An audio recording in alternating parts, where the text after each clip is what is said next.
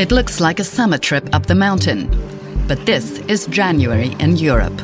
Det slås värmerekord runt om i Europa och för många skidanläggningar är det här en mardröm. More than half of French ski slopes are shut. I Alperna överlever man tack vare konstsnö. The record breaking warm temperatures have generated fears. Men det ökade behovet får även det konsekvenser för miljön. They consume energy and they consume water. På en kvart får du veta om vi kommer att kunna åka ut för även om tio år. Eller om det är dags att sälja skidorna och skaffa en downhillcykel. I slutändan så får man ju liksom väga om det är värt att hålla på eller inte. Det är tisdag den 17 januari. Det här är Dagens Story för Svenska Dagbladet. Med mig, Alexandra Karlsson.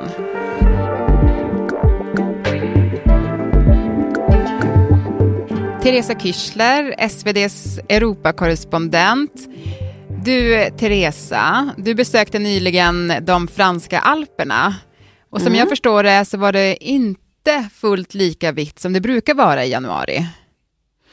Alltså de franska alperna, och framförallt en sån ort som den jag var på som hette La Clusaz som ligger ganska långt ner eh, i, i bergskedjan, eh, har haft eh, ganska många på varandra följande liksom gröna vintrar. Man pratar om att de blir allt grönare och grönare varje vintrar. Men, men sen har de också långa perioder med snö. Så att problemet är inte att det inte finns snö idag eller imorgon. Eller att det, problemet är om man tittar framåt 30-40 år fram i tiden så, så, så är liksom vetenskapen enad om att vi kommer inte att ha det där alpina pålitliga snötäcket varje år. Vi kommer inte att kunna ha en stor kanske skidturism som vi har idag. Så att man ska titta längre fram än bara snön idag, Alexandra.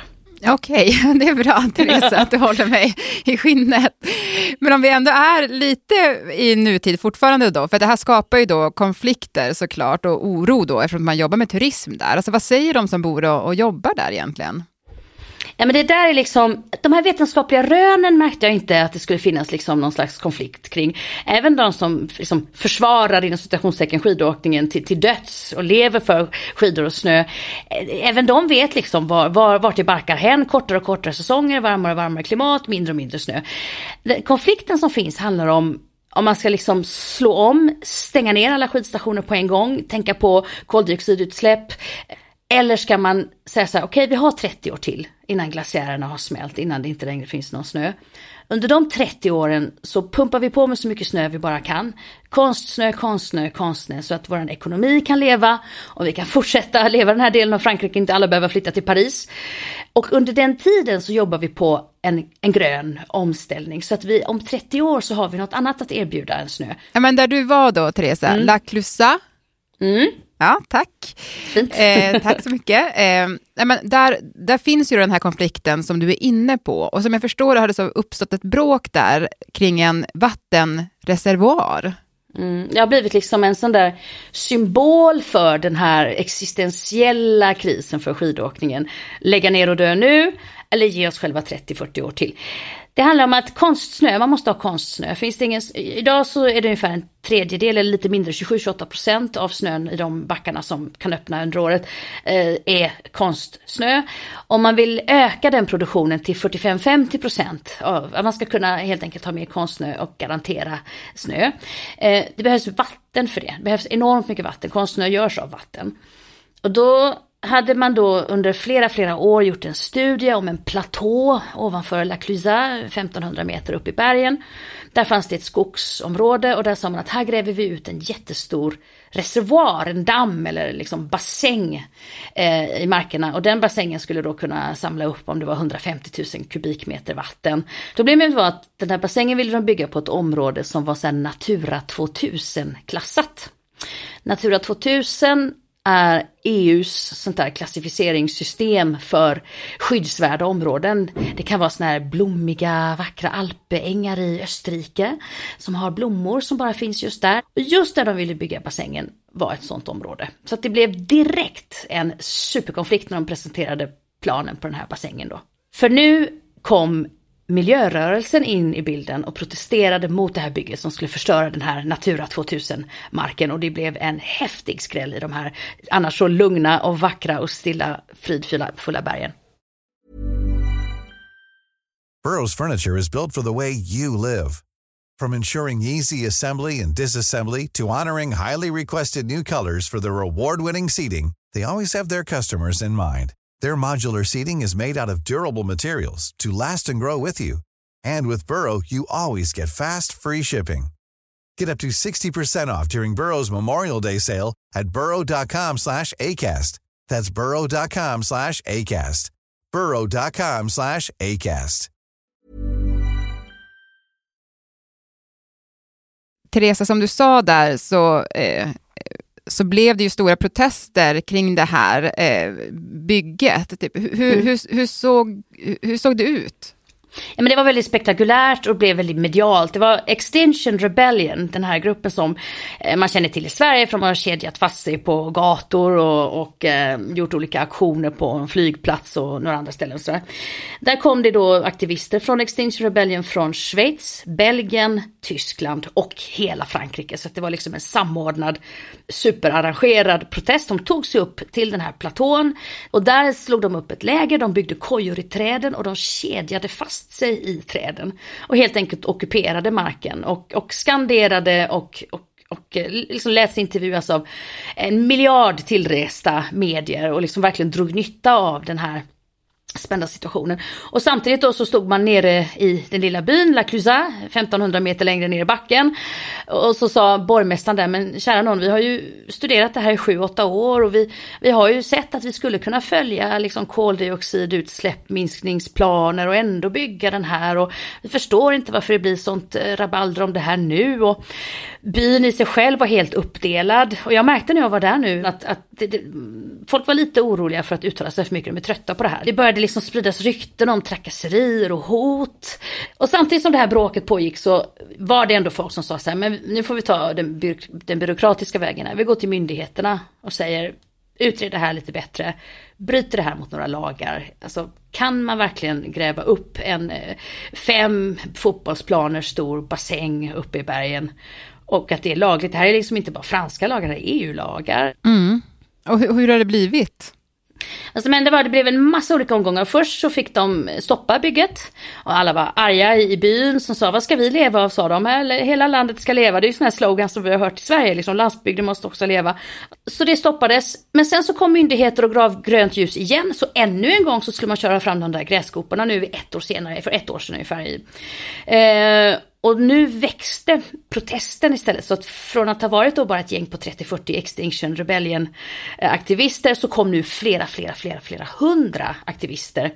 Och liksom vandrade omkring området och blockerade överallt. Och det är sex, sju olika miljöorganisationer med ganska hög renommé och inte bara liksom att de kedjar fast sig i träd utan de har jurister. Nu kom de vuxna in med sina lagböcker och sa, ja men det är lugnt, vi går till en domstol i Grenoble, närmaste stora stad och lämnar in en anmälan för miljöförstöring eller vad det nu kan det vara de anmälde för. Eh, och i oktober förra året så sa en domstol i Grenoble att nej, vet ni vad, ni kan inte bygga den här bassängen. Den, den bryter mot eh, miljö och klimatlagar. Mm. Nu har de överklagat och det fortsätter men det, det, finns liksom en desperation där. Vad ska vi göra då? Vi jobbar här och vi som inte jobbar direkt med skidåkningen eller liksom sköter liftarna eller serverar öl och tartiflette, den här goda maträtten som är känd med ost och lök och, eh, i backarna så Men alla runt omkring jobbar ju indirekt med skidåkningen. Bönderna i trakten, väldigt många av dem har ställt in sig på att sälja sin berömda ost och andra produkter direkt till skidorterna. Liksom. Så även jordbruket är beroende av den här årliga massinvasionen av skidturister. Och den här snön har sparats hela sommaren under ett lager av sågspån och läggs nu ut på Södra berget i Sundsvall. Precis som nere på kontinenten så är de svenska skidbackarna påverkade av de mildare vintrarna. Antalet skiddagar minskar. Bara nu i julas rapporterade många skidorter om skral snötillgång. På länets större skidanläggningar har liftarna snurrat i några veckor nu, men många av de mindre anläggningarna har haft det kämpigare. Än så länge är problemen inte lika stora som i Alperna. Men på sikt väntar samma öde även de svenska skidorterna. Och många har redan nu börjat satsa på aktiviteter vid sidan av skidåkningen. Vad finns det för andra åtgärder de kan göra då? Ja, det är ju det som eh, intervjuade en skidstationchef, eller man ska säga skidoperatörchef. Eller, det, de tillhör allihopa en statlig organisation, liksom Frankrikes skidoperatörer och sånt där. Och han sa att ja, men kan vi inte få konstsnö så... Alltså problemet är att för det första så vet vi inte vad vi gör då, för har vi ingen snö så... Vad som kan hända är att man flyttar sig högre upp, man söker sig högre upp på berget. Att man försöker komma... Det är tjockare täcke som ligger längre eh, högre upp och det är kallare högre upp också. Det, en jobbig grej är ju här att det är så varma temperaturer så även med konstsnö så är värmen ett problem. Sådär. Då åker man högre och högre upp och kanske försöker flytta upp, få rätt att flytta upp liftar tusen meter upp i bergen eller nya stationer. Men då hamnar man också i en större faroområde med laviner, med glaciärer som smälter. Så att det är liksom lite outforskad mark sådär för, för många. Vi kan ta oss högre upp men utsätter vi människor för fara då. Och dessutom att nu börja bygga nya skidorter. Det, det, det, jag har svårt att tro att det skulle finnas investerare för det. Mm. Men som jag förstår det så har franska staten skjutit till pengar för att hjälpa till. Ja, det finns någon slags plan som lades fram för ett och ett halvt år sedan som är lite på det här temat eh, hela, hela landet ska leva och landsbygden måste också leva och sådär. Och då var det liksom ett särskilt program just för skidstationer med ganska många miljoner från, från staten. Men det är, liksom, det är ju liksom livsuppehållande maskiner eller vad ska man säga? För att mm. återigen, det finns ingen konflikt om, det, det är inte sådär som många tror att det är så, ah, klimatalarmister mot eh, miljöextremister, alltså nej alla premisserna är givna. Vi måste tänka på vad som händer efter 2050. Vad, vad gör vi då? Vad jobbar vi med då? Vilka människor kommer hit till vår trakt då? Eh, så att den där liksom pengen då från franska staten är ju liksom någon slags, eh, ja vad heter det, när man sätter en, en patient på livsuppehållande eh, mm. maskiner för att hålla dem levande. Mm.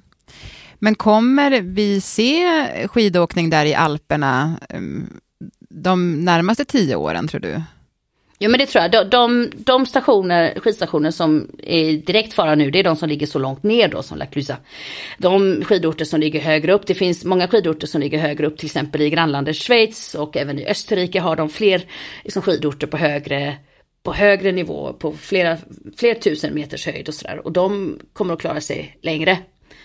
Men du, Therese, alltså de du pratar med där då, som är liksom uppvuxna på Eh, med skidor och skidåkning, och en ort som lever på turismen. Alltså hur ser de på framtiden? Men alla älskar berget. En, en nästan filosofisk fråga är hur, vad ska vi göra med vårt berg? Berget är som liksom en modersfigur i deras bakgrund, i deras liv. Så man pratar liksom om bergets framtid. Då säger man, ja men berget är kvar, det är vackert och folk kommer vilja åka hit för att njuta av berget och den här utsikten och den här friska luften. Vad vi måste göra är att vi byter ut skidåkning mot mountainbike eller fler vandrare eller stavvandrare eller ponnyridning. Det är klart att det går inte att byta rakt över för att du vet själv att skidåkare bränner jättemycket pengar på liftar och på öl och afterski och god mat och har det gott och liksom våfflor till ungarna och sånt där. Medan vandrare, det är ju såna här asketiska typer som har med sig ett så här fruktansvärt trist torkat kött i sin ryggsäck och hemmagjord knorrsoppa. Och, och, och, de använder ju inte jättemycket pengar. Så att det går liksom inte att ställa, ställa om från en turist till en annan. Så att vad man vill, vad man då säger som man vill ha tid till, det är för att, att skaffa att hela året, alla 12 månader på året skulle kunna ha eh, sammantaget lika mycket in, inkomstbringande turism som de här tre, fyra månaderna som, som snöturismen har. Så att om man har mountainbike till exempel, det är ett jättebra exempel. Det är sån här mm, materialtät sport liksom. Det är mycket pengar, man kan hyra ut mountainbike. Så har man lite vad som tidigare man drog in på skiduthyrning. Eh, deltaplan och segelflygning till exempel, det är andra, också sådana andra lite dyrare sporter som man skulle kunna få in istället. Eh, ponnyridning och såklart, det kostar väl en, en del att besöka hästgårdar och så. Så att man försöker säga så här, skidåkningen drar in väldigt, väldigt, väldigt, väldigt mycket pengar. Eh, vandringen not so much, men eh, sammantaget så kanske vi liksom både kan få eh, stuguthyrningen till vandrare och eh, mountainbikare och sådär. Så att man liksom räknar febrilt på vad som skulle kunna vara istället. Men man är jätteinställd på att få det där istället. Och mm. helst då på 12 månader om året och inte bara 4-5. Mm. Du Teresa, du får åka tillbaka om 30 år och, och se hur det ser ut. Och återkomma ja, till våran ja. podd och berätta.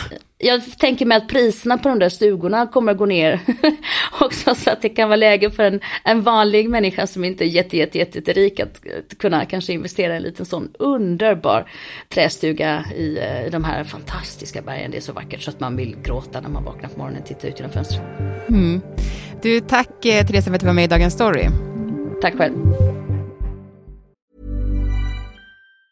Burrow's furniture is built for the way you live.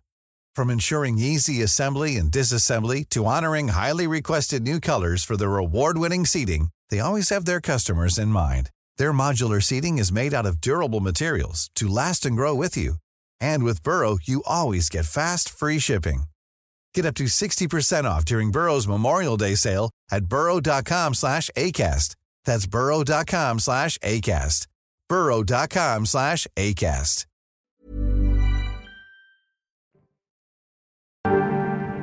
Programmet idag producerades av Mattias Dellert, redaktör var Erika Hallhagen och jag heter Alexandra Karlsson. Klippen i programmet kom från Sveriges Radio, SVT, Sky News, Deutsche Welle och Channel 4. Vill du kontakta oss så mejla till dagensstory.svd.se.